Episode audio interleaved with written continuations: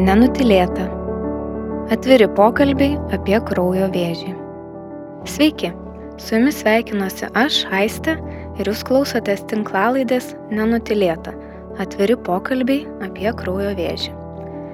Šioje tinklalaidėje su skirtingais pašnekovais, nuo gydytojų, psichologų iki kraujo vėžių sergančių žmonių bei jų artimųjų, kalbamės įvairiausiomis temomis susijusiamis su kraujo vėžiu apie lygos patirtį, emocinę sveikatą, gyvenimo pokyčius ir gydimo galimybes.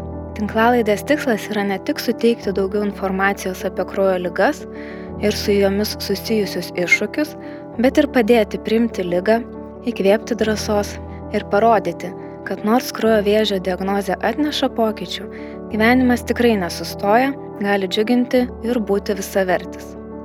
Šiame penktajame tinklalaidės nenutilėta epizode aptarsime, kaip inovatyvūs gydimo būdai keičia ūminių leukemijų ir mielodisplastinių sindromų prognozę ir gerina pacientų išgyvenamumą. O studijoje šiandien svečiuojasi Vilniaus universiteto ligoninės Santoros klinikos hematologijos, onkologijos ir transfuziologijos centro gydytojas hematologas Andrius Žučenka. E, Labadiena, Andriu. Sveiki, sveiki, mėly klausytojai, sveiki, Aiste, labai malonu iš tikrųjų dalyvauti šitoje tinklalaidėje ir tikiuosi turėsime puikią diskusiją. Man irgi labai malonu, kad radot laiko savo užimtoje dienotvarkėje pasikalbėti ir pasidalinti savo žiniomis, kurios net nebejoju, kad klausytojams bus ne tik įdomios, bet ir labai vertingos. Tai galime ir pradėti nuo to, kas yra, e, kokios lygos yra ūminės leukemijos ir mielodisplastiniai sindromai, kurie dar yra trumpinami MDS, ar ne? Teisingai. Sakau. Taip, e, visiškai teisingai. Um, gal nuo pačių pradžių pradėsiu nuo mielodisplastinių sindromų. Uh, iš tikrųjų tai yra na, labai didelė, didelė lygų grupė. Jeigu galima taip paaiškinti iš genetinės įvairovės pusės pačios lygos, bet bendrai visus mielodisplastinius sindromus vienyje tai, kad tai yra sutrikusi kraujodara. Reiškia, mūsų visų organizme kaulų čiulpų aplinkoje vyksta kraujo lastelių gamyba. Tai yra nuolatinis procesas, bet a, su amžiumi atsiranda, atsiranda tam tikrų genetinių klaidų, pažaidų, dėl ko ta kraujo gamyba gali sutrikti. Tai būtent tai yra pagrindinis mechanizmas, dėl ko a, atsiranda mielodisplastiniai sindromai, kodėl žmonės jais susirga.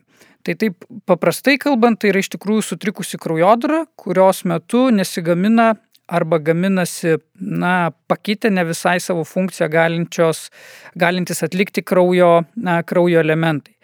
Tai kaip taisyklė, a, trys pagrindinės kraujo komponentų rūšys, tai yra baltieji kraujo kūneliai, kurių pagrindinė funkcija yra saugoti mus nuo, nuo visų išorinių a, infekcinių sukėlėjų. A, taip pat raudonieji kraujo kūneliai, kurie išnešioja deguonį po mūsų a, visus audinius.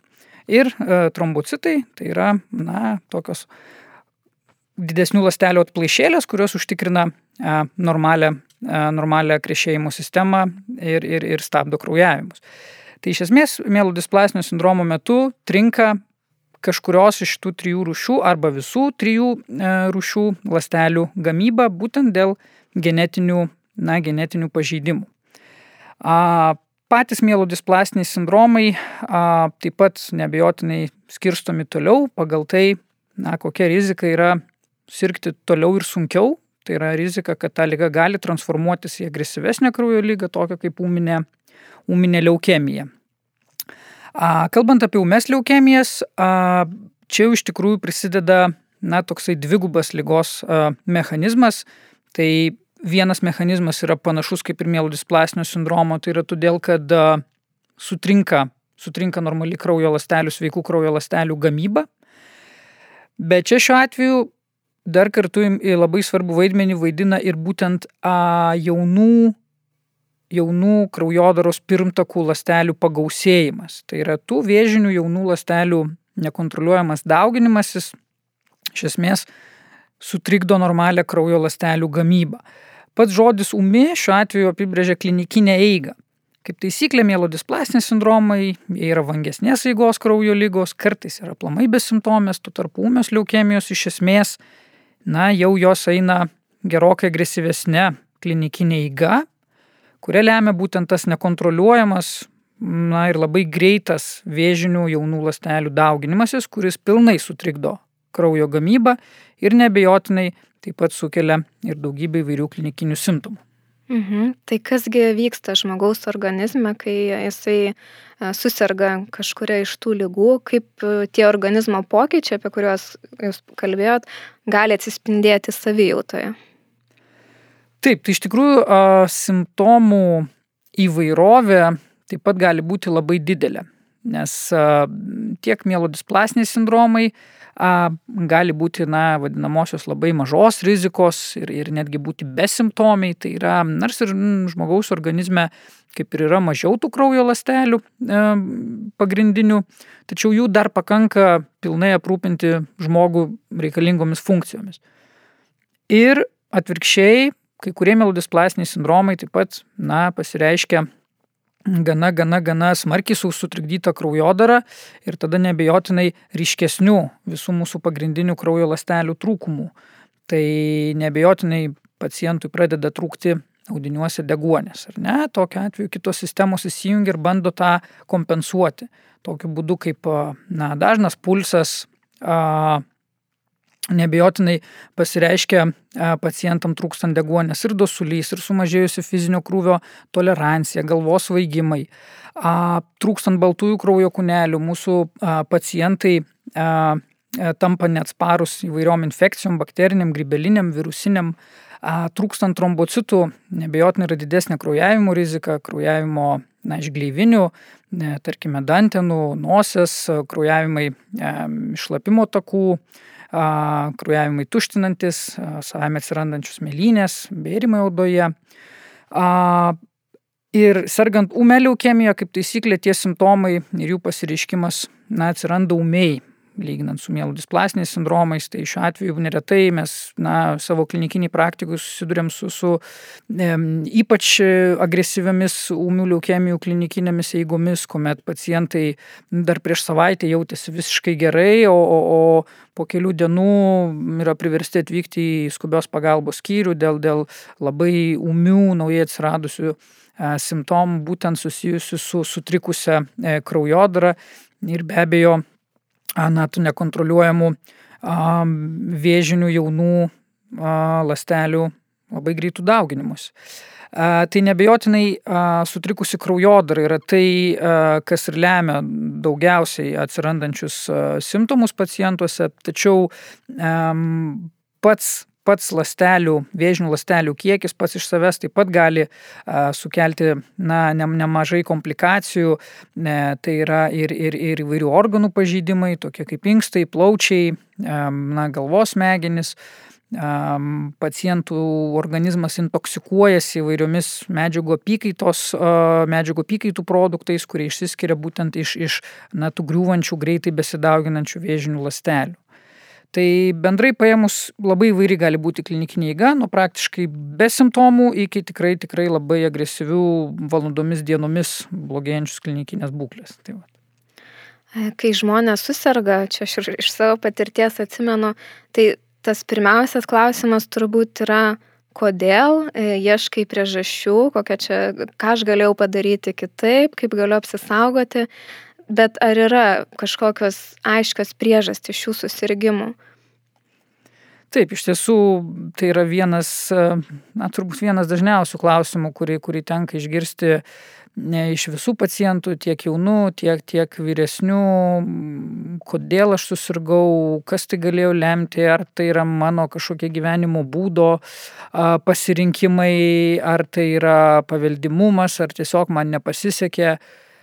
Ir kaip bebūtų keista, bet e, paprasčiausias atsakymas ir yra turbūt, kad dėja, bet na, nepasisekė. Nes iš tikrųjų mielodisplasinių sindromų, ūminių leukemijų a, rizikos faktoriai, jie yra žinomi. A, tai, yra, tai yra prieš tai susidurta jonizuojanti spinduliuotė, radiacija arba darbas tokio aplinkoje, kurioje buvo apšvita. Tai yra darbas arba kontaktas su labai specifinėmis cheminėmis medžiagomis, na, tarkim, kaip benzenas, kurios ilgainiui irgi gali sukelti genetinės pažaidas kraujodaros lastelėse. Tai yra organizmas, žmogus įgyja tas genetinės pažaidas savo kaulų čiulpų aplinkoje, kraujodaros lastelėse, na ir tas lemia būtent jo lygą um, ateityje. Kitas svarbus kriterijus tai yra taip pat susijęs tiek su spindulinė terapija, su spinduliais, tiek su, su, su chemija, tai yra būtent prieš tai taikytas kaip taisyklė prieš navikinis gydimas dėl kitos onkologinės lygos, kuomet pacientas, na, susirga, tarkime, krūties vėžių ar prostatos vėžių, jam dėl to yra taikoma spindulinė terapija, na, chemoterapija.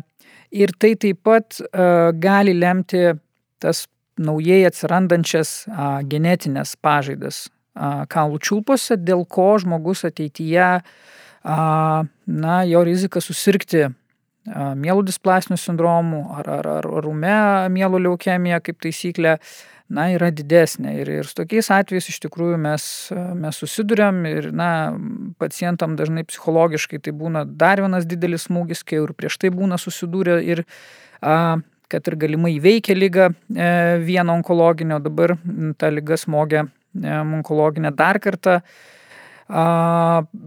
Ir dar viena turbūt e, tokia svarbi, svarbi priežastis, dėl ko pacientai iš tikrųjų gali susirgti viena iš mano minėtų lygų, tai yra būtent paveldimumas. Paprastai tie rizikos veiksniai, kuriuos dabar išvardinau, yra būtent susijęs su tuom, kad pacientų na, gyvenimo kelyje naujai atsiranda genetinės pažaidos būtent kraujodros lastelės. Tai šiuo atveju diabet, na, labai retais atvejais, bet žmonės gimsta jau su tam tikra genetinė pažaida, kuri yra paveldima iš tėvų.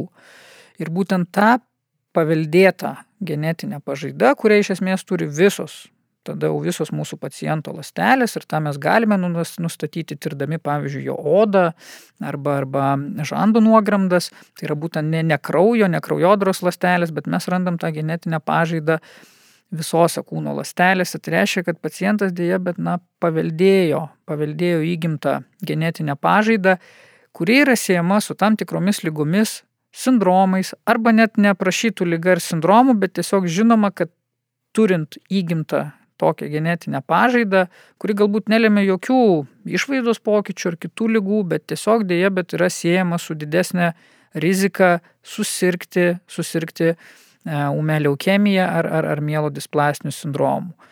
Bet didžiojo daugumoje atveju atsakyti pacientams, kodėl jie susirgo, kodėl atsirado genetinės pažaidos jų kraujodaroje, mes negalime. Taip mes žinome, kad su amžiumi, su amžiumi rizika didėja atsirandant, atsirasti naujų tom genetiniam pažaidom kaulų čiulpose, na vien dėl to, kad su amžiumi dauguma mūsų organų sistemų, na, jos pavarksta. Tai lygiai taip pat ir ląstelių viduje esantis mechanizmai, kurie, kurie, kurie, kurie prižiūri, kad ląstelėje neįvyktų genetinės medžiagos klaidos. Arba atvirkščiai jau joms įvykus, tada įsijungia mūsų imuninės ląstelės, mūsų sergėtojai, na, taip mūsų organizmo spets tarnyba, kuri, kuri pamato kad, o, atsirado vėžinė lastelė ir, ir, ir na, įsijunkim imuninės lastelės ir jas sunaikinkim, kad, reiškia, mūsų šeimininkas e, nesusirgtų.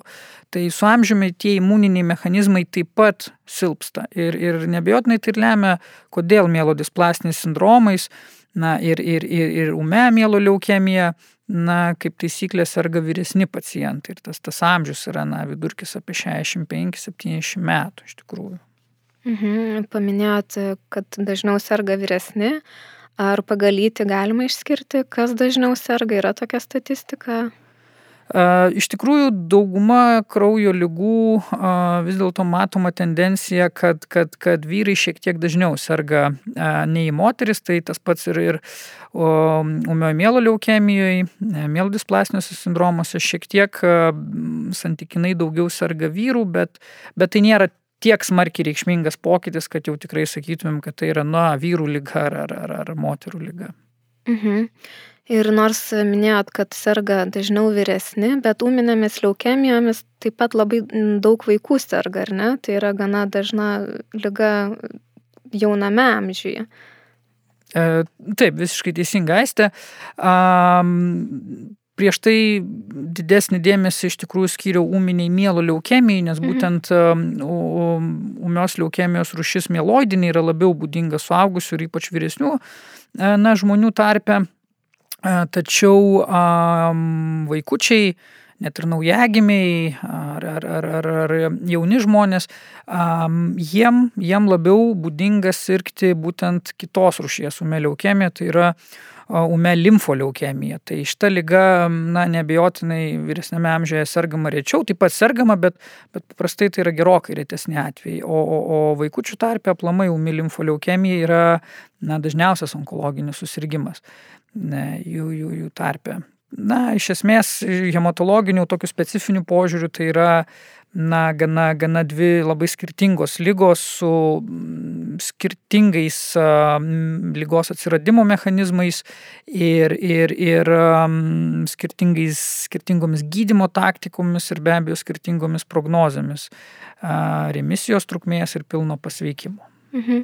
Čia aš norėjau atkreiptą dėmesį dėl amžiaus, kadangi kai mes kalbam ir apie inovatyvų gydimą ir tiesiog pabrėžti, kad tas gydimas reikalingas tikrai įvairaus amžiaus žmonėm. Niekas negali žinoti, kada lyga gali ištikti ir kad ne, serga ne tik vyresni, nes dažnai būna toks irgi įsitikinimas, kad serga jau vyresniam amžiui, bet tos lygos paliečia ir, ir kaip ir sakėt, ir kūdikius, ir vaikus. Tai Todėl, kai ir kalbam apie inovatyvų gydimą, jis tikrai yra labai svarbus ir reikalingas visiems visiem pacientam. Tai ir pakalbėkim tada apie gydimo būdus, kokie jie gali būti taikomi, sergant ūminėmis leukemijomis ir MDS. Taip, iš tikrųjų labai toks platus labai klausimas. Turbūt gal pradėsiu nuo ūmių leukemijų, vis dėlto čia daugiau tokio pavadinkim taip, aiškumo e, su gydimo tikslais ir, ir, ir, ir taktikomis. Kalbant apie ūmę mielo leukemiją, labiau liekant ties e, e, suaugusiais ir vyresniais pacientais, tai nebejotinai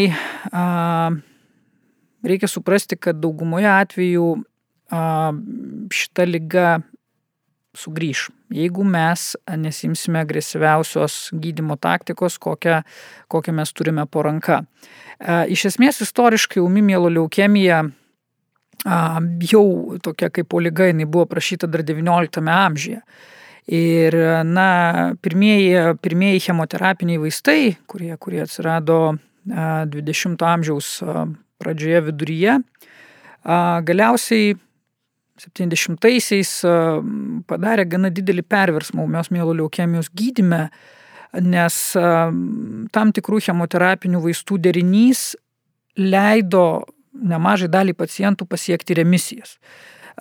Kas tuo metu buvo apibrėžima kaip remisija, nebejotinai dabar turbūt tas, tas kriterijus šiek tiek skiriasi, bet jau tuo metu buvo pastebėta, kad pacientam atsigamindavo normali kraujo gamyba. Tai būdavo esminis ir didžiausias pasiekimas, nes, na, tuo metinis e, simptominis gydimas, su simptominiu gydimu aš turiu menį kraujo perpilimus, a, bakteriniai, anti, antibiotikai, priešvirusiniai, priešgybliniai vaistai nebejotinai tuo metu buvo gerokai, gerokai skurdesnis tas, na, arsenalas arba ginkluotė, kurią gydytojai galėjo pasitelkti į kovą. A, tai pasiekti natūralių kraujo sveikų ląstelių atsistatymą tuose pacientuose buvo milžiniškas laimėjimas. Ir iš tikrųjų tas, tas e, chemoterapinių vaistų derinys, e, reiškia, ta schema, taip istoriškai jinai 7 plus 3 vadinama, e, kadangi vienas vaistas tarabinas lašinamas 7 paras, taip infuzija į veną, kitas vaistas, kaip pacientai mėgsta sakyti, raudonos chemijos kažkuris iš preparatų tai yra antraciklinų klasė, dauna, idarubicinas, doksarubicinas. Žodžiu, ta schema, jinai, na, beveik 40 metų buvo neliečiama ir buvo kaip gydimo standartas. Ir, ir, ir daugumai pacientų pavykdavo pasiekti remisijas, ir, ir, tačiau to nepakakdavo, to nepakakdavo pilnai sunaikinti vėžinių lastelių kiekių kaulų čiulpos ir, ir kaip taisyklė praktiškai visi pacientai recidivuodavo, tai yra jiem lyga sugrįždavo. E, iš tos pusės su umios mielo leukemijos gydyme e, atsirado kitas tikslas, tai yra pacientam pasiekus remisiją, tai yra atsistačius jų normaliam kraujo gamybos procesui, tai yra normaliai atsistačius normaliem baltiem kūneliam, normaliam trombocitų skaičiui, padidėjus nuo atsistačius hemoglobino koncentracijai, tai yra pakankamai rūdonų kraujo kūnelių, pacientas yra remisijoje, tačiau mes žinom, kad jisai dar kaulų čiulpose turi vėžinių lastelių. Daugiau, mažiau, gal net ir neaptinkama jų kiekį, net ir moderniausias tyrimas, bet jis jų turi. Ir tolimesnis gydimas, ta gydimo dalis po remisijos pasiekimų yra būtent sunaikinti pilnai tą vėžinių lastelių likutį. Tai šitoj vietoj nebejotinai tikslai buvo skirti dar didesnės dozės chemijos, užtvirtinamasias vadinamasias chemijos dozės, kaip taisyklė, nors ir tos dozės didesnės, tačiau pacientai toleruoja geriau, nes jau būna remisijoje. Tai yra, jie neturi savyje vėžinių lastelių didžiulio kiekio ar ne, jie turi kažkokį likutį, kurį mes stengiamės sunaikinti. Taip, su chemija dalį pacientų mes galime išgydyti ir jiem nereikia kaulų čiulpų transplantacijos. Tačiau didžiai daliai ūminės mėlų leukemijos pacientų dėja, bet prireikia ir kaulų čiulpų transplantacijos. A, iš esmės keliais tikslais. Vienas, na ir toks atrodytų paprasčiausias tikslas tai yra pakeisti kraujo gamybą. Na, taip mes žinom, paciento kraujo gamyba iš esmės vienu metu gamino tik, tik vėžį ir nieko daugiau. Dabar mes tą vėžinių lastelių gumulą panaikinom kiek įmanoma, kažkoks likutis dar sėdi. Tai su kaulų čiulpų transplantacija, naudojant kito žmogaus lasteles, na, mes galime bandyti pakeisti kraujodarą, kad žmogaus organizme gamintųsi kito žmogaus, bet jau sveika kraujodara. Ne? Tai kad tas įvyktų, mes turime dar ir sunaikinti paciento tą visą kraujo gamybą ir čia vėlgi chemija vaidina vaidmenį ir mes tokiu būdu tikimės, kad galbūt su ta prieš transplantacinė chemija mes sunaikinsime lygos lasteles pilnai.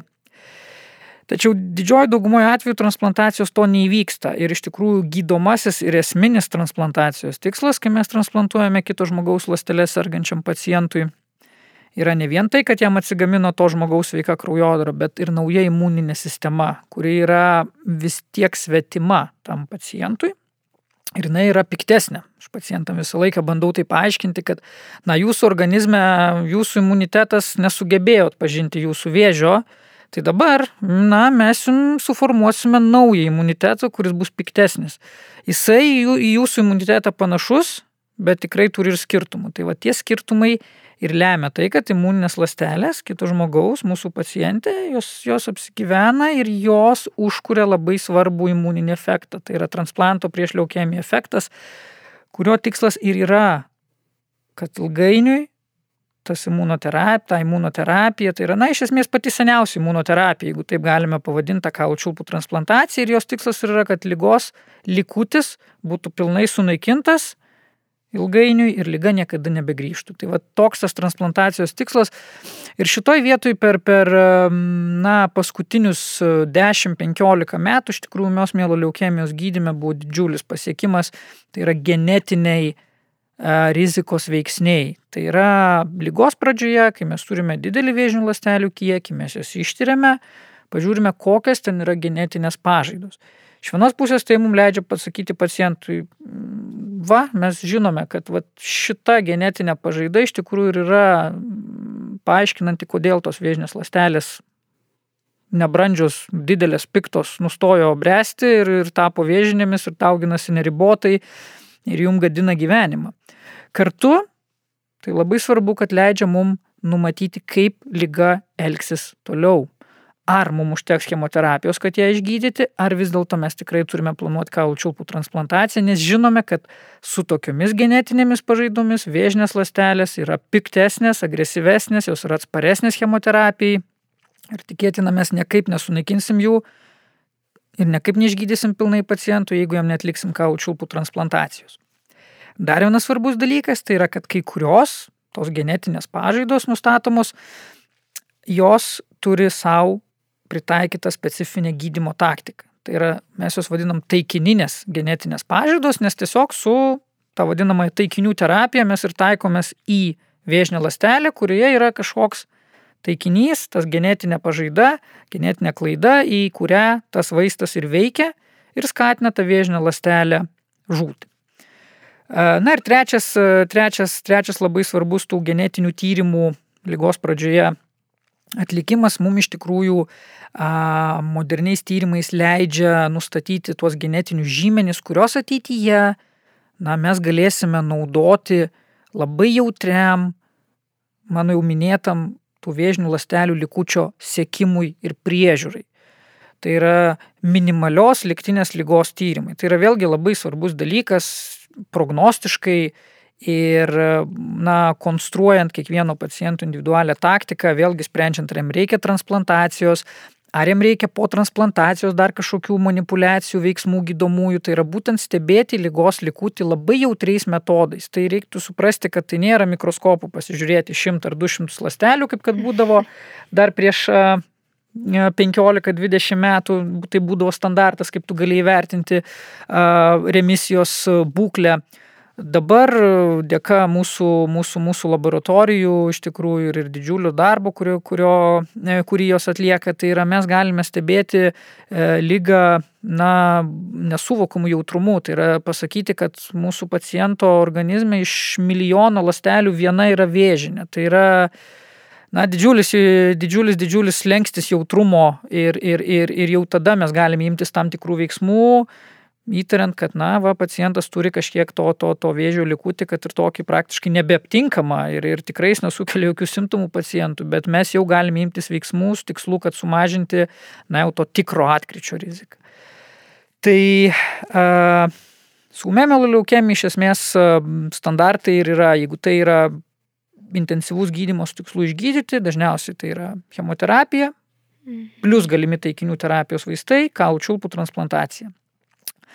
Problema, kad e, dalis pacientų vis dėlto yra vyresnio amžiaus. Mes kalbėjom, kad tai yra vyresnių pacientų lyga, aumi mielo leukemija ir neretai ta standartinė stipri chemoterapija, kaip mes kalbam, ar, ar, ar kaulų čiulpų transplantacija, na, pacientai tam nėra tinkami dėl savo amžiaus, bet kaip taisyklė ne tiek kalendorinis amžius labai vaidina tą svarbų vaidmenį, bet būtent biologinis amžius. Neretai mes, mes turime pacientų, kuriem yra virš 70 metų, bet mes gana drąsiai jiems siūlome kaulų čiulpų transplantaciją nes, na, pacientas neturi gretutinių lygų, jisai sportuoja, jisai mm, apsitarnauja savo ūkį, dar padeda šeimai ir taip toliau. Na, jo biologinis amžius, ko gero, tikrai nėra ten 70, plus, o jis yra 50-60.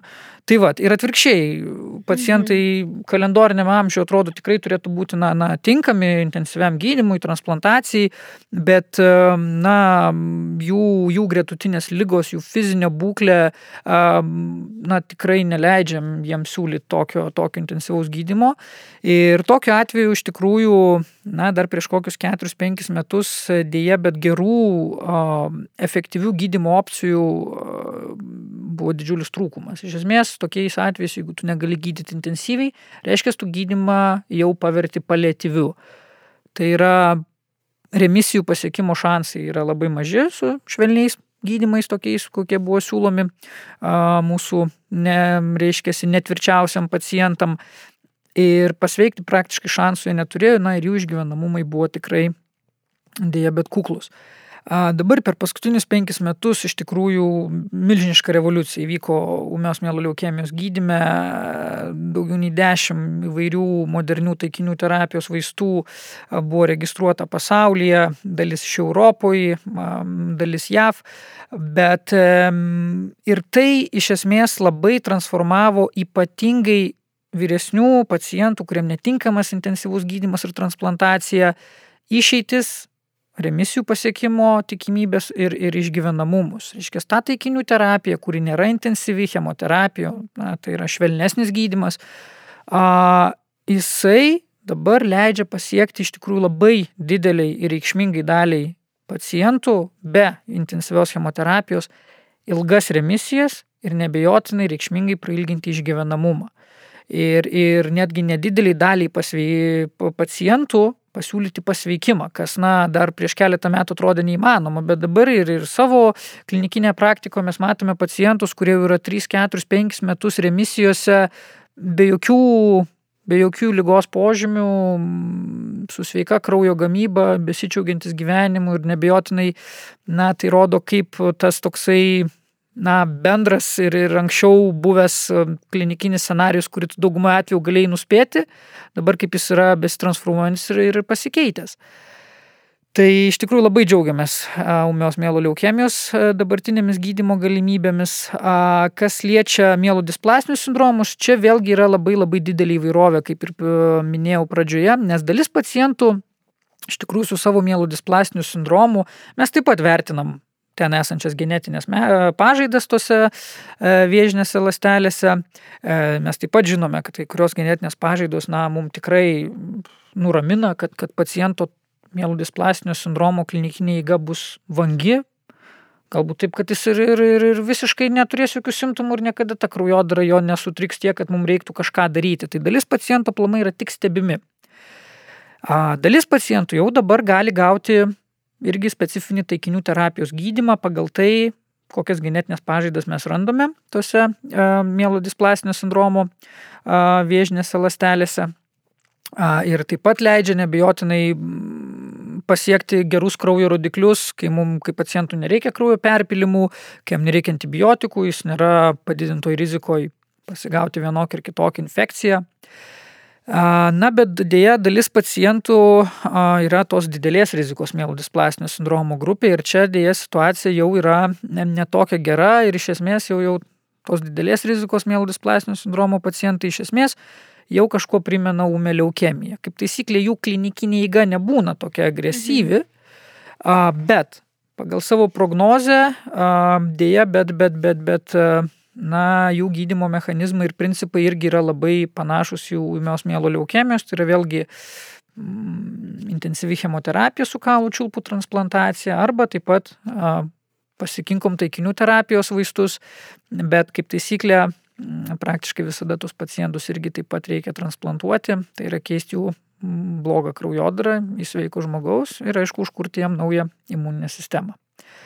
Dėl umių limfoleukemijų, čia iš tikrųjų taip pat, na, yra labai įdomi istorija, nenoriu labai jau iš, išsiplėsti, bet iš esmės umi limfoleukemija ir buvo viena iš tų onkologinių, na, lygų, kuri davė visus pirmtakus ne tik hematologijai, bet kartu ir, ir, ir, ir solidinių, na, tų, tų organų navikų, tarkim, gydimui principus, nes pirmieji vaistai, pirmieji chemoterapiniai vaistai, kurie dar iš tikrųjų, na, iš, nuo pirmo antro pasaulinio karo, tos medžiagos, kurios buvo naudotos a, kaip cheminiai ginklai, kaip garstyčių dujos, a, tai ir buvo pirmosios medžiagos, iš kurių toliau vystėsi chemoterapiniai preparatai, kurie iki šiol yra naudojami ir ypatingai ūmios limfoblastinės leukemijos gydime, nes, nes tai buvo baisi lyga ir, ir vaikučiai, naujagimiai, vaikučiai, maži vaikai, na, jie neturėjo jokių šansų pasveikti ir, ir tai buvo didžiuliai smūgiai šeimoms,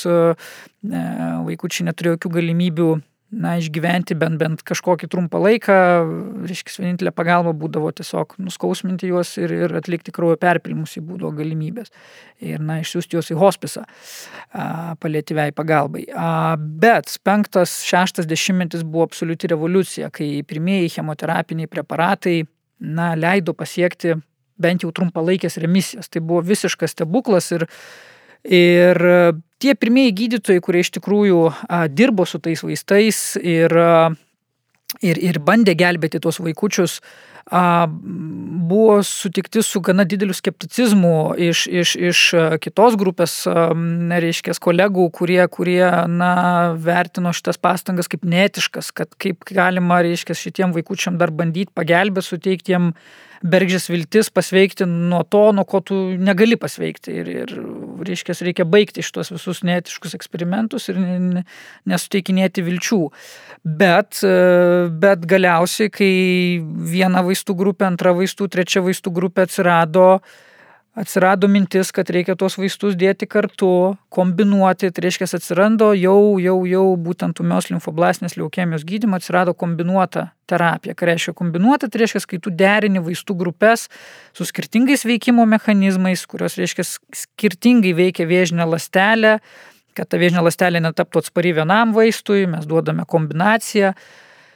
Ir tai iš tikrųjų buvo absoliuti revoliucija, nes su tais vaistų deriniais vaikučiai pradėjo pasveikti. Ir tai buvo neįtikėtini rezultatai tam laikui, nes, kaip sakau, ta lyga buvo laikoma ūminė limfoblastinė leukemija absoliučiai nepagydoma. Tai vėliau, aišku, tobulėjant, tobulėjant vaistam, tobulėjant simptominiai priežiūrai, dabar jau turint nebejotinai nepalyginamą arsenalą preparatų, tai yra imunoterapiniai vaistai, kurie jungiasi prie vėžinės lastelės ir rodo imunitetui, va, čia yra vėžys, tu jį žudyk, arba atvirkščiai prie vaisto imunoterapinio yra prijungtas chemoterapinis vaistas ir, ir būtent tas imunoterapinė medžiaga jungiasi prie vėžinės lastelės, na ir jie sugrūda tą chemiją.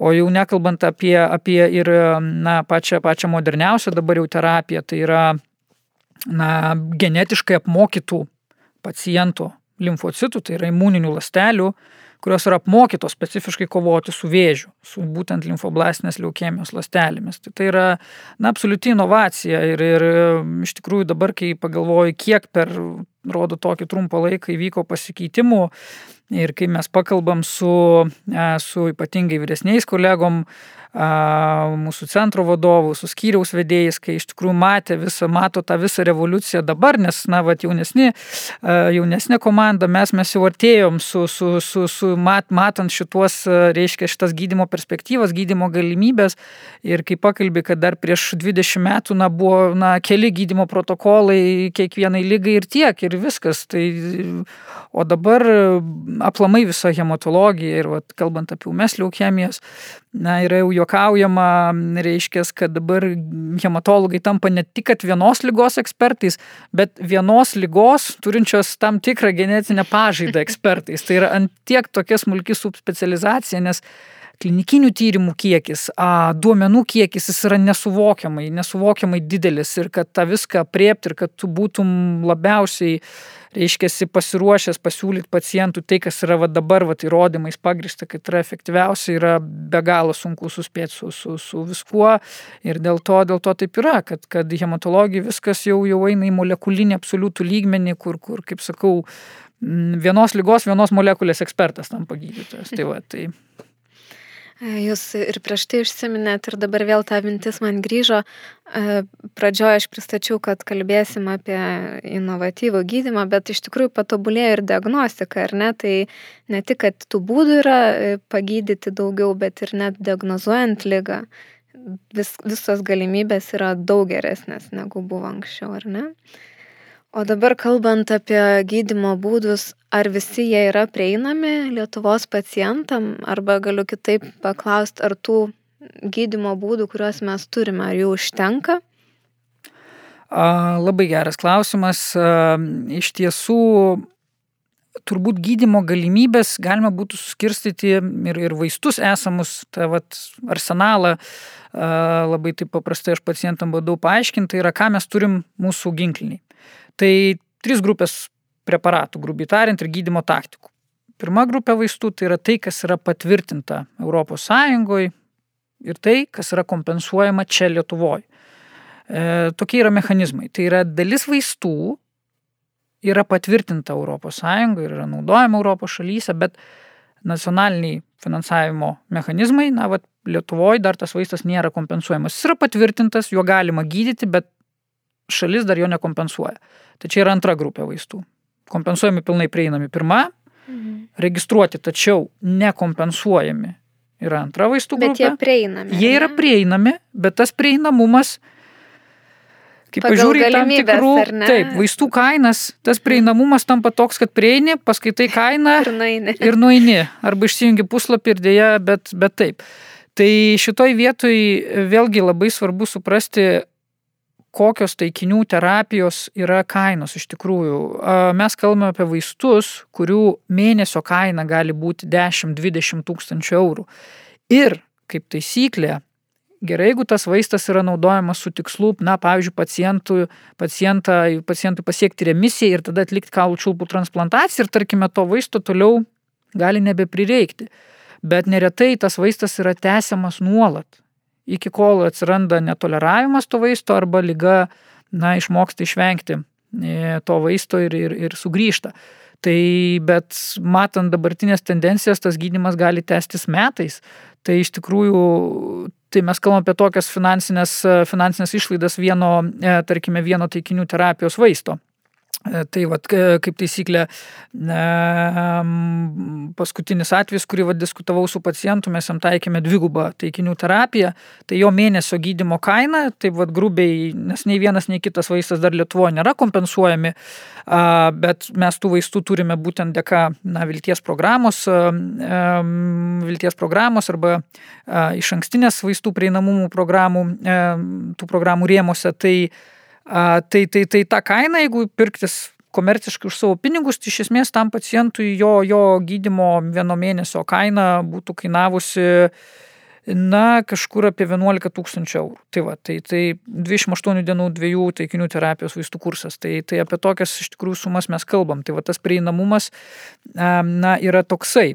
Trečia vaistų grupė, va, tai jau yra toksai sudėtingiausias dalykas, tai yra vaistai, kurie yra klinikiniuose tyrimuose.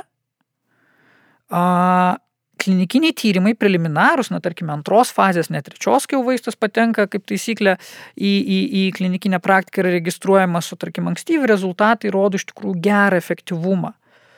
Bet tokių preparatų pacientam gauti yra, na, iš esmės be galo sunku iš tos pusės, kad e, tu jų negali nusipirkti, net tu gali turėti didžiausias pinigų sumas, ar ne, bet, nu, nėra kaip įsigyti, nes tas vaistas niekur nėra registruotas. Mhm. Jis dar yra tik tais klinikiniuose tyrimuose. Tai pacientui iš esmės yra, na, tik tais dvi opcijos. Arba įsitraukti į klinikinį tyrimą, kuriame tas vaistas yra tyriamas, arba Arba, arba, na, galbūt jau yra šito vaisto kažkokia ankstyvo prieinamumo arba vilties programa, na ir tokiu būdu kaip vardiniam skirimui, būtent tam pacientui gali, galima mums to ga, vaisto gauti būtent tų programų rėmose. Tai iš esmės turbūt bent jau ūmios mielo leukemijos gydime, vilties programos, iš ankstinio vaistų prieinamumo programos arba klinikiniai tyrimai yra pagrindiniai būdai ir mechanizmai, kaip mūsų pacientai dabar gauna moderniausius vaistus. Tai yra tuos vaistus, kurie tikrai dar nėra kompensuoti Lietuvoje ir yra klausimas, ar jie bus kažkada dar kompensuoti, jeigu bus, tai tas laikas yra kaip taisyklė labai ilgas ir, ir bet pacientai negali tiek laukti. Tai šitoj vietoj būtent mūsų centre, dėka vykstančių klinikinių tyrimų, dėka vykstančių daugybės iš, iš ankstinio vaistų gavimo arba vilties programų rėmose, kadangi mūsų centras na, tikrai aktyviai juose dalyvauja ir, ir tai mums suteikia patirties ir, ir, ir nebejotinai na, farmacinės kompanijos pasitikė tokiu centru. Mhm. Tiek inicijuodami klinikinius tyrimus, Arba mes, mūsų centras bendradarbiauja su didelėmis, tarkime, leukemijų grupėmis, kurios vienyje daugelį centrų ir tokiu būdu mes vykdome klinikinius tyrimus. Na ir, ir, ir kaip, minėjau, kaip minėjau, kompanijos pasitikimumis ir skiria leidžia mūsų pacientam gauti vaistus būtent vilties programų rėmose. Ar teisingai suprantu, kad jūs kalbate apie savo centro patirtį, ar ne? Tai jeigu mm, žmogus, tarkim, gydosi kažkokioj kitoj gydymo įstaigoje ir jam prireiktų kažkokių va, tų modernių, sakykime, gydymo būdų, tai nebūtinai jis jos gaus, ar ne, kad tai dar priklauso ir nuo to, nuo pačios gydymo įstaigos. Visiškai teisingai. Iš tikrųjų, dėl to um, hematologija yra tas rytis, kurioje bendradarbiavimas netgi tarp centrų, jau nekalbant tarp kolegų ir skirtingų specialistų, uh, yra būtinas. Ypatingai dabar, kai mes pereinam į, į tokį gilų molekulinį lygį, kur anksčiau viena lyga traktuota kaip viena lyga, o dabar mes žinom, kad ten yra 10, 20, 30 lygos subgrupių su skirtingomis prognozėmis, skirtingomis gydimo galimybėmis. Tai šitoj vietoj bendradarbiavimas yra būtinas. A, nebejotinai mes žinome ir, ir lygiai taip pat kad ne visuose centruose yra vienodos gydimo galimybės, ar ne? Kai vaistas yra kompensuojamas visoje šalyje, čia viskas aišku, nėra mhm. problemų. Bet tarkim, jeigu vienam centre vyksta klinikinis tyrimas, kitam centre jis nevyksta, tai nebejotinai tokiu atveju a, pacientam yra galimybė atvykti antrai nuomoniai į, į tą centrą, kuriame vyksta klinikinis tyrimas, a, išsiaiškinti apie galimas gydimo galimybės, a, galimybės įsitraukti į klinikinį tyrimą, na, pasidomėti, ar tikrai nėra vilties paramos programų.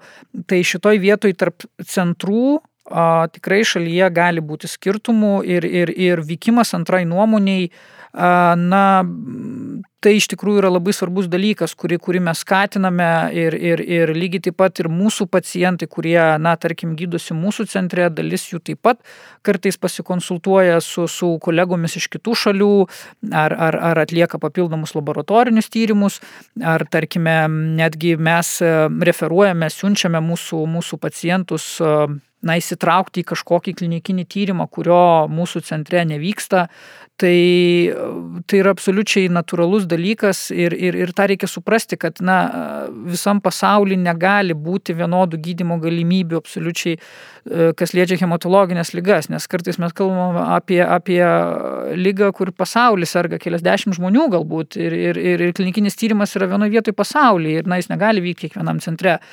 Tai šitoje vietoje bendradarbiavimas tiek nacionaliniu, tiek ir net tarptautiniu mastu yra, yra, yra labai svarbus ir tas yra, tas yra labai skatinama. Daug kalbėjote apie klinikinius tyrimus ir dažnai pacientai klausia mūsų kaip pacientų organizacijos, kaip jiem čia įsitraukti į tuos klinikinius tyrimus. Ir turbūt tos informacijos trūksta. Tai vat, ar tik gydymo centruose jie gali paklausti, tarkim, gydytojo ir sužinoti tą informaciją, ar yra dar kažkokie būdai, kaip pats pacientas gali kažkaip ieškoti tos informacijos ir, kaip, kaip sako, įsitraukti. Ar turi nukreipti gydytojai, kaip yra, gal trumpai tiesiog galit papasakoti. Taip, iš tikrųjų, patys pacientai tikrai gali rasti labai daug informacijos. Na, nebejotinai yra, yra savų skirtumų. Jeigu pacientas yra vyresnio amžiaus, galbūt jam yra sunku tą visą informacijos kiekį susidoroti ar, ar, ar užsimti informacijos paiešką, bet kaip taisyklė mūsų jaunesni pacientai a, tikrai labai aktyviai tuom domisi. Tai yra maksimaliomis gydimo galimybėmis, tai yra tai, kas yra moderniausia dabar. Ir, ir pacientai tikrai gali susirasti informacijos e, na, tam pačiam internete, Google platformui tikrai galime rasti klinikinių tyrimų, visas išklotinės, kur, kokiame centre vyksta, koks tyrimas, nebejotinai tai yra specifinė informacija ir ją suprasti yra sunku.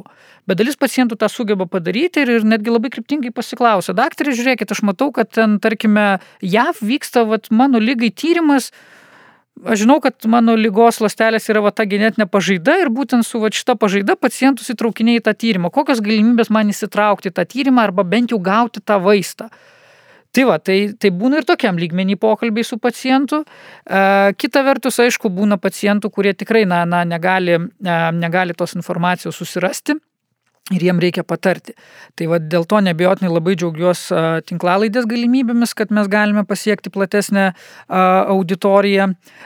Kitas dalykas, ta informacija, kuria, kuria, kuria, yra, kuria yra skelbiama na, masinės informacijos priemonėmis, taip pat yra svarbu reguliariai priminti, kad, kad kraujo lygų gydimas yra, yra, yra be galo modernus šiai dienai ir, ir visą laiką reikia maksimaliai ieškoti galimybių gauti optimaliausią gydimą.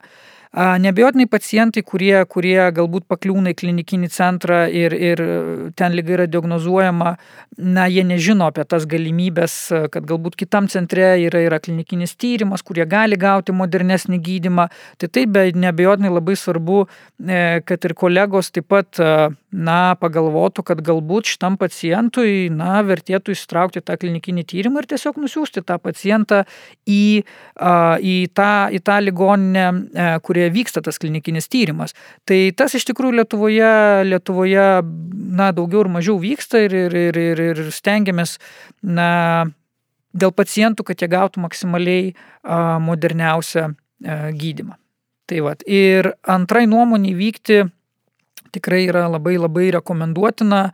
Reiškia, tiesiog išsiaiškinus visas maksimaliai gydimo, gydimo galimybės. Vėlgi, mūsų šalis yra tikrai nedidelė ir, ir na, čia, čia nėra ko slėpti ir kartais mes ir, ir padiskutuojam visi kartu ir su kitų centrų gydytojais aptariam situaciją, nes nėra, nėra mūsų tiek jau daug, kad tai būtų labai sudėtinga padaryti. Tai tikrai turim ir bendrų atvejų su, su, su, su, su kitais centrais, kai vieni kitiem nukreipiame pacientus, na, nes tiesiog matome, kad ar gydimo galimybės, ar pačiam pacientui netgi yra patogiau, nes tarkime, jeigu gydimo galimybės visuose centruose Lietuvoje yra vienodai, tai, tai iš tikrųjų galbūt tam pacientui yra patogiau gydytis mm. jam arčiau esant namų. Ir, ir, tai va, tai iš tikrųjų daug, daug šitų labai aspektų, bet pacientų informavimas, jam galimybė sužinoti apie tai, kad na, yra, yra modernių galimybių gauti, tarkime, na, geresnį negu standartinis gydimas ar įsitraukti klinikinį tyrimą, kurio rėmose galima gauti e,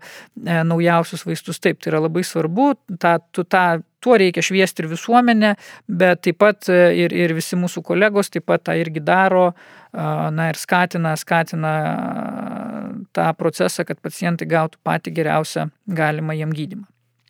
Antra nuomonė, ir mes skatinam visą laiką gauti ją, bet man atrodo, čia ir šiaip geras yra dalykas prie įvairių susirgymų, kai tu nueini pas kelius specialistus ir tau psichologiškai netgi ramiau gali gauti arba patvirtinimą, arba dvi skirtingas nuomonės ir tada gal trečią ieškoti. Bet tikrai verta nueiti, ypač jeigu kyla kažkokių klausimų ar, ar neiškumų. E, dabar kalbėjote apie tas tris grupės, tai su klinikiniais tyrimais, kol dar viskas vyksta, tai kaip ir aišku, kad e, dar tie vaistai nėra galimi ar ne, bet ta antra grupė, kur Lietuvoje jie nėra kompensuojami ar ne, tai kokios galėtų būti priežastis, ar, ar čia yra tik biurokratiniai dalykai, ar yra kažkas daugiau? Ir galbūt trumpai galit papasakot, kokie yra tie gydimo būdai, kuo jie yra ypatingi. Taip, čia iš tikrųjų be galo, be galo opę temą palėtėt. Vėlgi, turbūt nėra tokio paprasto atsakymo, kodėl, kodėl Lietuvoje iš dalies su, su, su inovatyviais vaistais yra komplikuočiau, a, mm, ir, reiškia, ir tas laikas, iki kol vaistas yra registruojamas Europoje ir tampa prieinamas, kompensuojamas pacientam Lietuvoje, be abejo yra labai ilgas. Jis yra vienas ilgiausių Europoje. O kiek vidutiniškai? Nežinau. Tiksliai neatsakysiu tikrai, mhm. tiksliai neatsakysiu tikrai, čia ko gero turbūt valstybinė ligonių kasa galėtų pateikti tuos duomenis, bet Bendrai paėmus, be abejo, mes dabar e, girdėjome, kad buvo ir, ir, ir, ir, ir didelė eilė inovatyvių vaistų, kurie laukia vertinimo ir, ir sprendimo, ir, ir, ir, ir žmonių trūkumas, kurie yra kompetitingi vertinant, vertinant tas paraiškas. Nebijotinai tai, tai, yra, tai yra didelis iššūkis mūsų pacientam ir tikrai mūsų centras maksimaliai stengiasi išnaudoti visas galimybės, kiek tik įmanoma, kad net ir nesant kompensacijos pacientas gautų, gautų tuos vaistus, kurių jam reikia. Reiškia, net jeigu ir nėra kompensuojami. Klinikiniai tyrimai, vilties programos, iš ankstinio prieinamumo programos,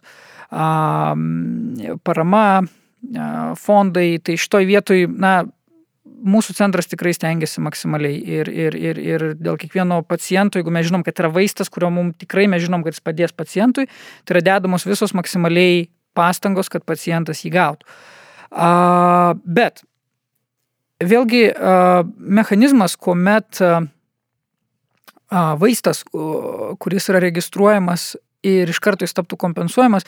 Iš tikrųjų, e, mano nuomonė irgi, irgi tai gal nebūtų na, visai tinkamas dalykas. Ir, ir labai geras buvo podcastas specialistų iš JAV, kurie labai atvirai kritikuoja JAV maisto ir vaistų tarnybos sprendimus registruoti vaistą. Mhm. Nes pagal turimus duomenis atrodo, kad tas vaistas labai menkai prisideda prie pacientų pagerėjimo išgyvenamumo remisijų prasme, bet, bet jis yra registruotas. Ir e, kai yra paskaičiuojama finansinė, finansinė tokio sprendimo, na, pavadinkim, našta, ir kai pacientų klinikinių tyrimų rezultatuose tu matai, kad vaistas reikšmingai, bet tas reikšmingumas prailginamas išgyvenamumas mėnesių su daugybė papildomų šalutinių reiškinių, tai net ir turint tokį vaistą, klausimas, ar, ar gydytos aplamai turėtų skirti tą vaistą ir ar jisai reikalingas, ir ar jis tikrai turėtų būti kompensuojamas. Tai šitoj vietoj yra ir kita svarstyklių pusė. Tai yra tas kritiškumas, su kuriuo kartais iš tikrųjų irgi reikia, e, reikia, reikia, reikia mums pagalvoti, ar tikrai viską, kas tik įrodo bent kažkokią tai statistinę naudą, tikrai yra naudinga ir reikalinga pacientui. Bet nebejotinai preparatų sąraše, kuris dabar laukia, dauguma tų vaistų tikrai yra būtini mūsų pacientam. Ta mes tikrai žinome ir, ir, kaip sakiau, iki tol, kol jie yra kompensuojami, mūsų centras na, tikrai maksimaliai stengiasi visom galimybėm gauti, gauti tų preparatų. Mhm. O kaip e, jaučiasi gydytojas, tai čia kaip jūs jaučiatės, kai žinot, kad e, yra vaistai, kurie galėtų padėti, bet jie nėra prieinami? Taip, tai yra turbūt, e, aš netgi sakyčiau, viena iš tokių sudėtingiausių ir beviltiškiausių situacijų, nes iš vienos pusės pacientui pasakyti, kad na, mes labai apgailestavome, bet mes padarėme viską, ką galėjome, Na, bet jūsų lyga yra atspari visam gydimui ir, ir, ir, ir, ir mes nebeturime jokių gerų kitų gydimo galimybių ir, ir, ir na, dabar, dabar jau jūsų lyga bus gydoma tik simptomiškai. Tai tu, tu žinai, kad tu padarai viską, kas tikrai yra įmanoma, prieinama ir galbūt dar daugiau, ir, ir, ir, ir, ir, bet šitoj vietoj, na, tiesiog tu negali išgydyti visų. Bet kai tu žinai, kad yra vaistas, nu, kuris su 60, 70, 80 procentų tikimybė pacientui leistų pasiekti remisiją, tai yra jam kokybiškai gyventi, sveiką gyvenimo būdą, galbūt nepasveikti, bet tarkime, jam gyventi metus, du, tris, visiškai sveikai. Mes turėjome e, iš tikrųjų stebuklingų atvejų e, mūsų centre, kai pacientai dėka, dėka, dėka moderniausių vaistų iš beviltiškiausių situacijų išsigelbėdavo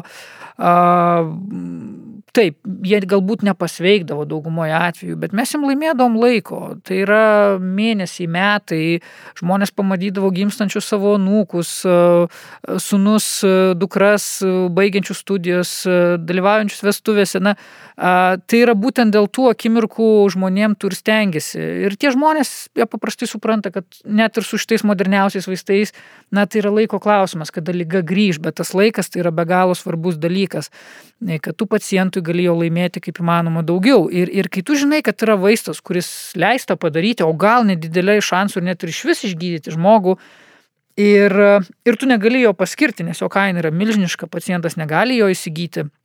Na, pacientas negali išvažiuoti į kitą šalį, įsitraukti klinikinį tyrimą, Ir, ir tarkime, tai nėra, nėra labai reta lyga, kad, kad, kad valstybinė ligonių kasa galėtų svarstyti individualų prašymą kaip, kaip retai lygai to išskirtinio vaisto skirimą. Tai, tai iš tikrųjų labai yra sudėtinga. Tai yra labai labai sudėtinga ir, ir tada, kaip sakau, mūsų centras tikrai bando visomis na, išgalėmis bandyti gauti pacientui to vaisto, uh, reiškiasi, tai vėlgi čia ir, ir draugija kraujas prie to, prie to tikrai prisideda ir mum gelbėja. Na ir, ir na, nebejotinai, nebejotinai, vėlgi, kaip sakau, bendradarbiavimas su, su kolegomis iš užsienio. Um, turėjom ir tikrai išskirtinių atvejų, kai, kai, kai uh, mūsų, mūsų, mūsų pacientė išvyko į JAF įsitraukti į klinikinį tyrimą, uh, reiškia, ir, ir šiuo metu yra sveika. Tai, tai Mano nuomonė iš tikrųjų a, tokių situacijų, kad gydytojas jaustųsi beviltiškas, reiktų kuo mažiau. Tai mhm. Tai va, ir kad mes turėtumėm galimybę išnaudoti, na, maksimaliai bent jau tai, kas yra registruota ir tikrai prieinama, kad tokių situacijų būtų kuo mažiau ateityje. Mhm. Ir būna tikrai atveju, kai lyga niekaip nepasiduoda gydimą ar ne, ir taikant vieną kitą būdą, bet iš centro patirties žinau, kad e, vis tiek pavyksta rasti kažkokių sprendimų ir e, netgi kai lyga grįžta, ar ne, kaip minėjot, kažkada tai būdavo, kad jau jeigu lyga grįžta, tai, na, hospisas tai lieka, ar ne, bet dabar yra gydimo galimybių ir su recidyvu, ir tuomet, kai neveikia kažkuris, net ne vienas, o keli gydimo būdai. Taip, iš tikrųjų, iš tikrųjų tai yra vėlgi didžiulis, didžiulis skirtumas su tuo, kas būdavo anksčiau. Tie klasikiniai kanonai, tarkime, recidivavusi, sugrįžusi ūminė mėlo leukemija, kaip taisyklė šansų pasveikti praktiškai jau, jau ir jokių nebūdavo. Tai dabar dėka taikinių terapijos, reiškiasi, dėka moderniausių gydimo galimybių ta prognozija keičiasi. Ir tai, tai ne, nebūtinai umių leukemijų atveju, taip pat ir, ir, ir su daugybė kitų piktybinių kraujo lygų. Mes tikrai žinome, kad lygos atkritis nėra nėra mirties nuosprendis ir kad šitoj vietoj gydytojai sako stop ir mes nieko negalime padėti. Ypatingai, jeigu tai yra pacientai, kurie yra geros fizinės būklės, na, jie yra tinkami tolimesnėm gydimo eilėms, tai tikrai yra dedamos visos pastangos, kad pacientai gautų maksimaliai efektyvius gydimo metodus. Ir netgi, kai mes išnaudojame, atrodo, visus jau įmanomus standartinius gydimo metodus, paprastai mes rankų taip nenuleidžiama, vėlgi, kai mes kalbame apie tingai jaunesnius, tvirtesnius e, pacientus, taip reikia irgi suprasti, kad kuomet pacientų lyga nepasiduoda gydimui ir, ir, ir dėja dėl tos lygos pacientų būklė yra labai prasta, na, mūsų, mūsų, mūsų galimybės toliau gydyti yra jau dėl to tampa išsemtos, nes tiesiog kokį toliau gydimą žmogui tu beskirtumis greičiausiai to gydimo nebetlaikys. Tai šitoj vietoj taip, gydytojai taip pat turi kažkada žinoti, kada jau turi pasakyti stop, bet toliau gydyti jau nėra, jau nėra etiška, nes iš esmės tų pacientų leisi nuodus. Ir kurie mhm. šansai, kad jį išgydys, yra na, labiau teoriniai. Tai va, tai iš esmės tų žmogui tik tai trumpini jo likusią gyvenimo a, trukmę ir, ir dar kas svarbiausia, blogini tą gyvenimo kokybę.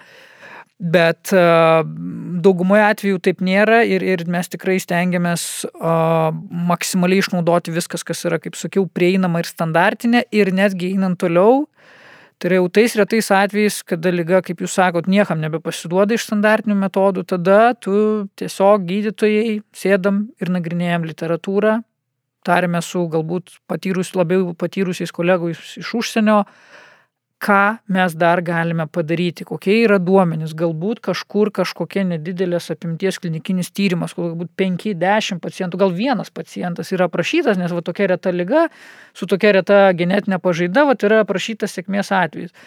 Nebejotinai tai jau yra rimta diskusija su pacientu. Nes mes kalbame apie gydimo metodus, vaistus, vaistų derinius, kurie jau nėra patvirtinti, ar ne, nes tai yra, na, išskirtinai uh, ne pagal indikaciją, ne, ne tai lygai, kuriai tie vaistai yra registruoti, skiriami preparatai. Bet aptarus su pacientu tokią situaciją blogą, kad dėja, bet visos gydimo galimybės yra išsemtos, mes žinome, kad vat 15 pacientų gavo tokį gydimą. Taip, tie vaistai nėra registruoti, tarkime, mėlylo leukemijai, bet mes žinome, kad, kad 12 iš tų 15 pacientų pasiekė remisiją. Tai yra tokie šaltiniai reiškiniai. Tu informuoji pilnai pacientą, Ligoninės etikos komitetas turi pritarti tokiam sprendimui, kad tai yra neregistruoti vaistai tai, tai lygai gydyti, bet remiantis visą turimą informaciją, tai gali būti efektyvu ir saugu, kadangi visus prieš tai buvusios standartinio gydimo galimybės yra išsemtos.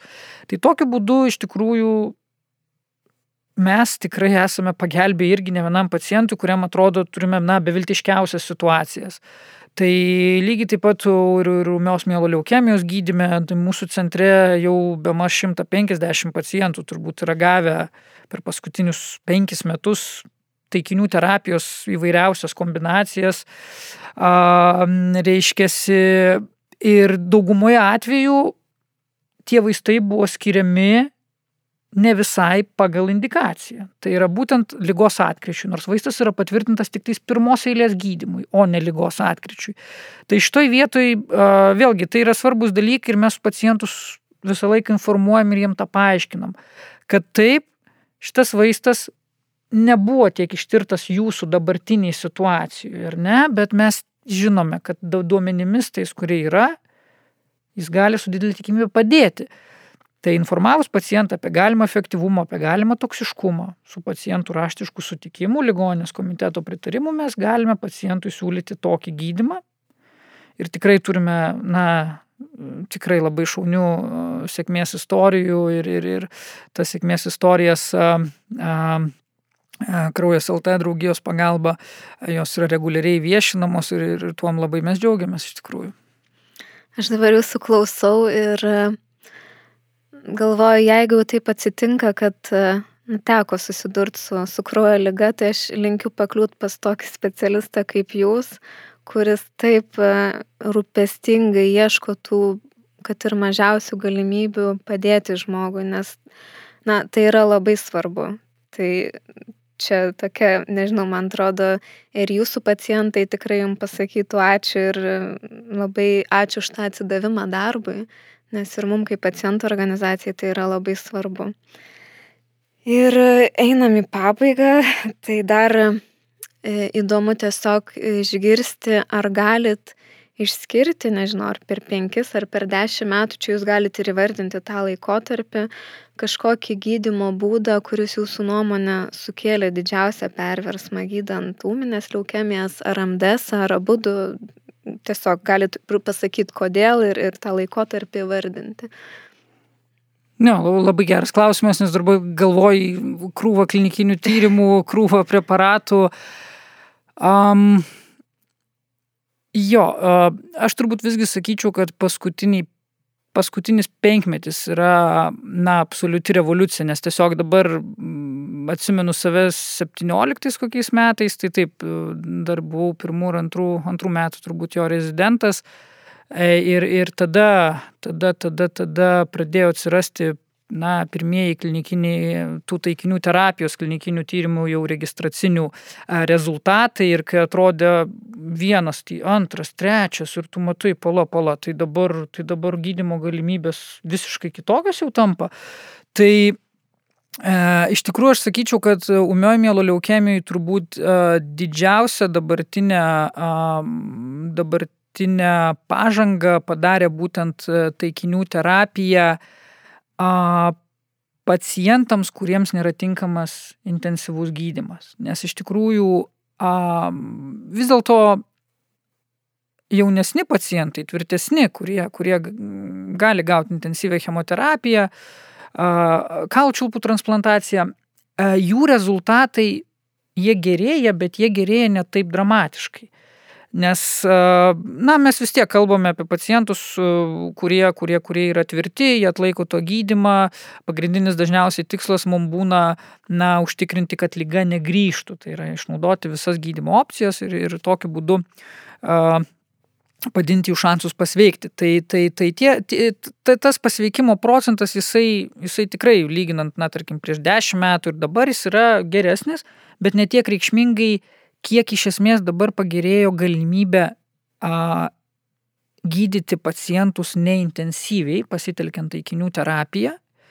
Ir tokiu būdu a, pacientam, kurie dar prieš penkmetį iš esmės, na, jų išgyvenamumas kaip taisyklė būdavo keli mėnesiai, pusmetis, na, jau, jau jeigu viršydavo metus, tai tai jau būdavo labai didelis pasiekimas umė mielo leukemijai, kuri yra negydoma intensyviai standartiškai. Dabar mes matome pacientus, kurių išgyvenamumai viršyje metus, du metus, tris metus. E, kai kurie yra jau virš penkių metų remisijos iš tų klinikinių tyrimų, ką mes matome.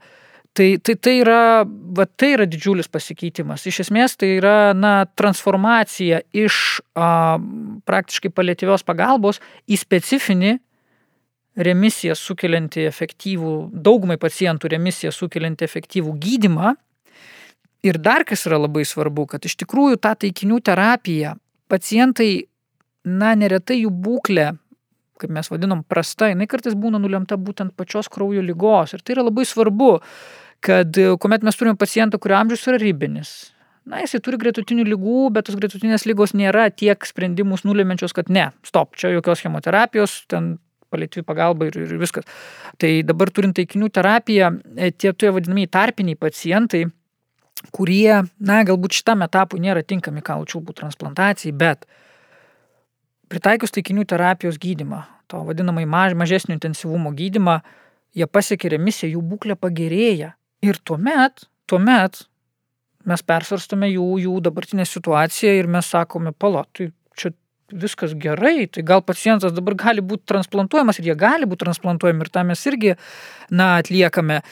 Nebejotinai tą taikinių terapiją, jūs minėjote, kad, reiškia, dar visai neseniai, reiškia, recidyvavę atvejai, sugrįžusi ūminė mielo leukemija buvo na, praktiškai nuosprendis. Tai dabar irgi to nėra. Mes turime tą pačią taikinių terapiją, kuri leidžia pacientam uh, su neintensyviomis gydymo taktikomis pasiekti remisijas dar kartą ir tada nueiti kalčiulpų transplantaciją. Tai vėlgi tai yra didžiuliai, didžiuliai pasikeitimai a, iš esmės, kaip mes pozicionuojame pacientų gydimą ir, ir tą numatomą taktiką ir, ir, ir, ir kaip mes kiekvienu individualiu atveju, nes dabar iš tikrųjų e, vėlgi tas individualumas yra be galo svarbus. Nes dar prieš 10-15 metų nu, būdavo keli protokolai ir daugmaž gal viena genetinė pažaida, kuriai mes kažką kitaip galbūt darydavome. Dabar mes kiekvieną atvejį apsvarstome, išsiaiškiname jo genetiką, ar jis turi taikininių genetinių pažaidų, kokia yra lygos tiksliai rizika, ar mes galime apsėti be kalčiulpų transplantacijos, kiek gydimo kursų mes skirsime, kokią taikinių terapiją galime priderinti. Tai e, kiekvienu atveju tai yra labai individualūs sprendimai šiame etape ir tie tokie bendri protokolai Taip, yra bendri principo protokolai, kaip mes gydome, bet kiekvienu atveju mes viską individualiai apsitarėme, dar kaip optimaliausiai pagerinti pacientų šansus jam pasveikti. Tai, sakyčiau, tikrai paskutinis penkmetis labai labai transformavo ūmę mielo leukemiją, nebejotinai ir didelės rizikos mielo displastinius sindromus, kurių gydimo principai yra panašus į ūmios mielo leukemijos mažos rizikos mielo displastinių sindromų. Paskutiniai penki metai taip pat buvo, buvo tikrai na, gausus naujienų.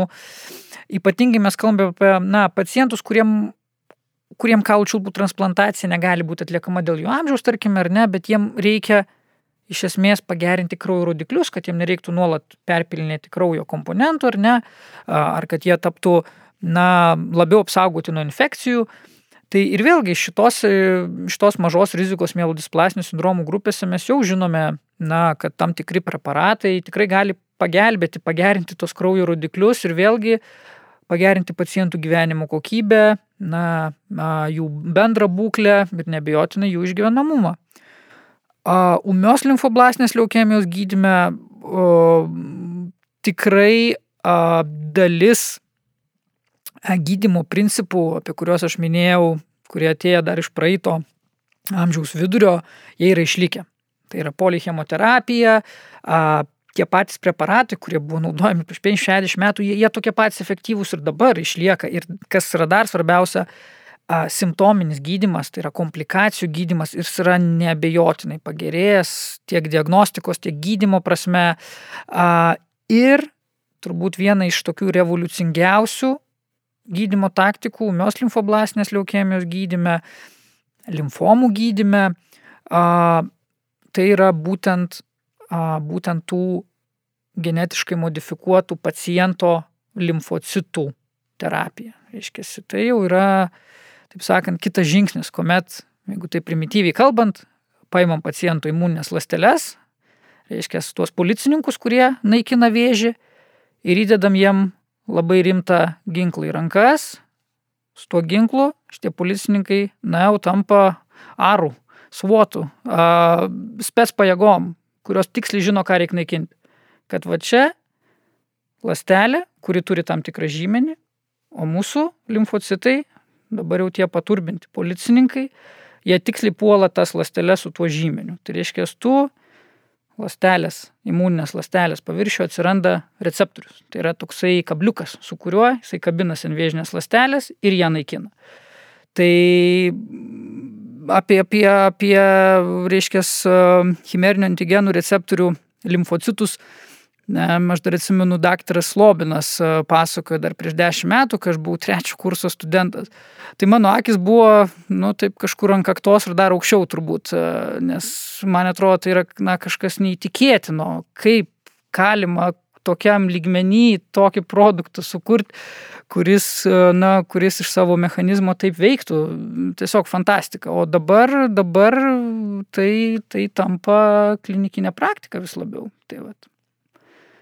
Tai turbūt apibendrinčiau jo, kad paskutinis penkmetis iš tikrųjų yra fantastiškas hematologijos rytyje. Tai ačiū Andriu, kad pasidalinot savo žiniomis. Man buvo tikrai labai įdomu ir istorijos tiek daug sužinoti ir išsinešu tikrai daug vertingų minčių.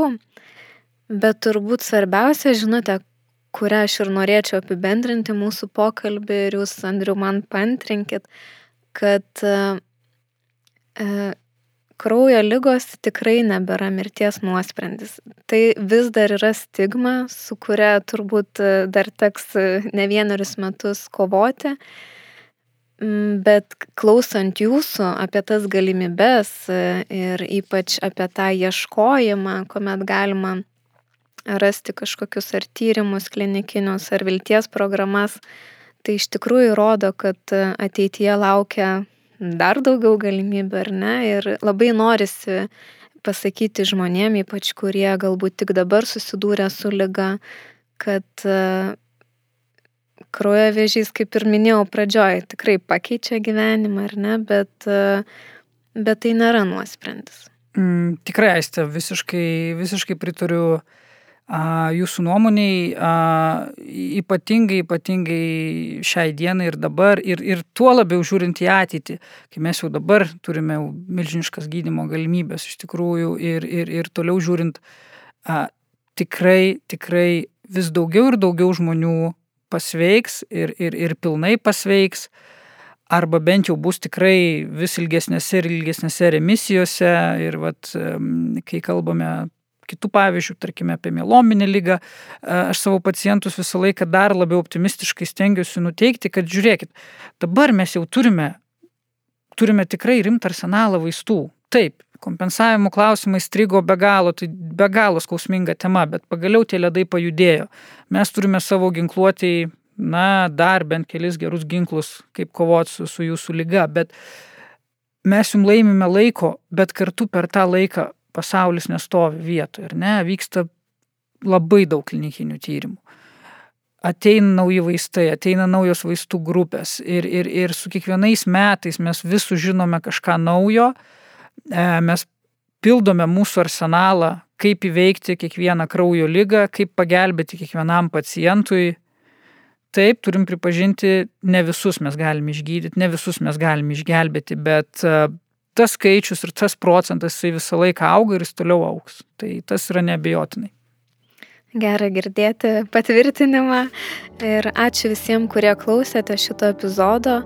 Jeigu mūsų pokalbis jums pasirodė įdomus, nepamirškite pasidalinti su kitais savo socialinėme tinkle. Tinklalaidę nenutilėtai įgyvendina asociacija Kraujas, kuri vienyje kraujo lygomis sergančius ar sirgusius asmenis, jų artimuosius, medicinos specialistus ir kitus žmonės, kurie palaiko asociacijos veiklą. Daugiau informacijos tiek apie asociacijos veiklą, tiek apie tinklalaidę ir visus jos epizodus visuomet galite rasti interneto puslapyje kraujas.lt arba mūsų Facebook paskyroje. Iki kito karto.